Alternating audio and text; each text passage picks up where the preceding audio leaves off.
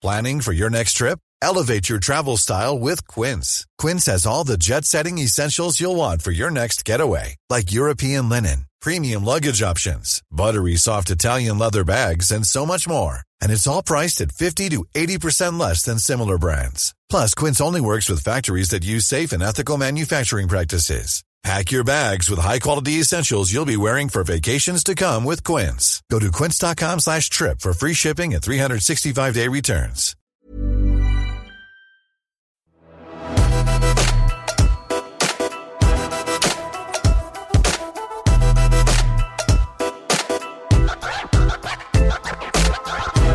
Ja, så har vi kommet hit da, til 12. mars 2021, og da ett år etter at Norge stengte ned som følge av covid-19. Altså ett år i unntakstilstand, ett år i mer eller mindre husarrest, og et år som har kostet dyrt både emosjonelt og ikke minst økonomisk.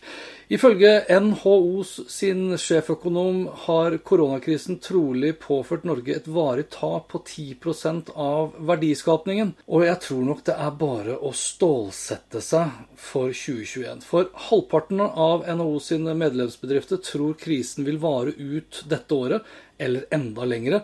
Og halvparten av Norges reiselivsbedrifter frykter de kommer til å gå konkurs i løpet av inneværende år. Men ikke alle har hatt et like dårlig år. Som f.eks. Kina, hvor viruset kom fra, og hvor de kinesiske regimet i stedet for å advare, først og fremst forsøkte å holde det hele skjult, deretter fornekte det, og så legge skylden på andre nasjoner. Og da advarselen til slutt kom, ja, så var det åpenbart for sent. Et år senere så er nesten 2,7 millioner døde som følge av pandemien, mens i Kina så er antallet koronadødsfall på kun 4636 altså en tredjedel av f.eks. antall koronadødsfall i Sverige. Verdensøkonomien ble også hardt rammet, men ikke like mye i alle land, og definitivt ikke i Kina. Kina opplevde dog den laveste økonomiske veksten på flere tiår, men det ble fortsatt vekst, og da spesielt i løpet av andre halvår 2020, etter en liten negativ vekst i andre kvartal. Fasiten endte på 2,3% oppgang i økonomien. Og med det ble Kina faktisk da det eneste store landet i verden som hadde positiv vekst. Den veksten kommer også tydelig frem i det raskt voksende markedet av antall dollarmilliardærer i Kina. I løpet av fjoråret ble Kina det første landet i verden som rundet over 1000 dollarmilliardærer. Ifølge oversikten fra tradingplatforms.com dukket det opp hele 259 nye dollarmilliardærer i Kina i løpet av 2020. Per dags dato har Kina nå totalt 1058 dollarmilliardærer, tilsvarende 32% av verdens totale dollarmilliardærbefolkning. Og til tross for covid-19s ødeleggende effekt på verdensøkonomien, opplevde Kina den største velstandsøkningen i løpet av fjoråret, med et gjennomsnitt på 8 åtte nye dollarmilliardærer for hver eneste uke.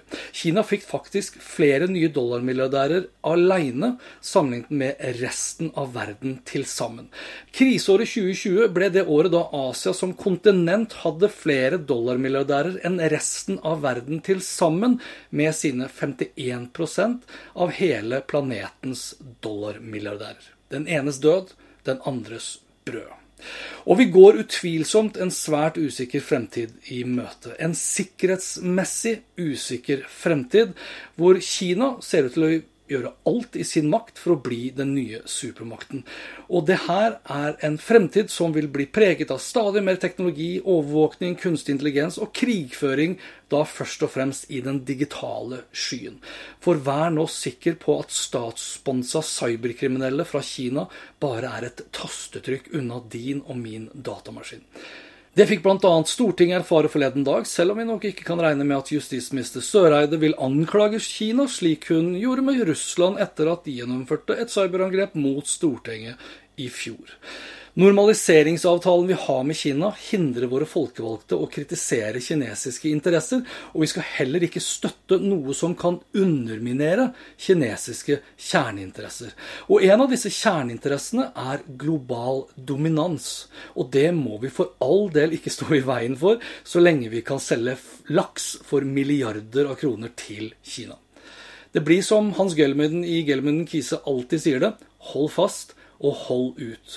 Og i disse digitale tider, hold godt på dataene dine. Vær bevisst din egen IT-sikkerhet og din egen sikkerhetshygiene. Stol ikke på noen, har blitt en del av den nye normalen. Lykke til.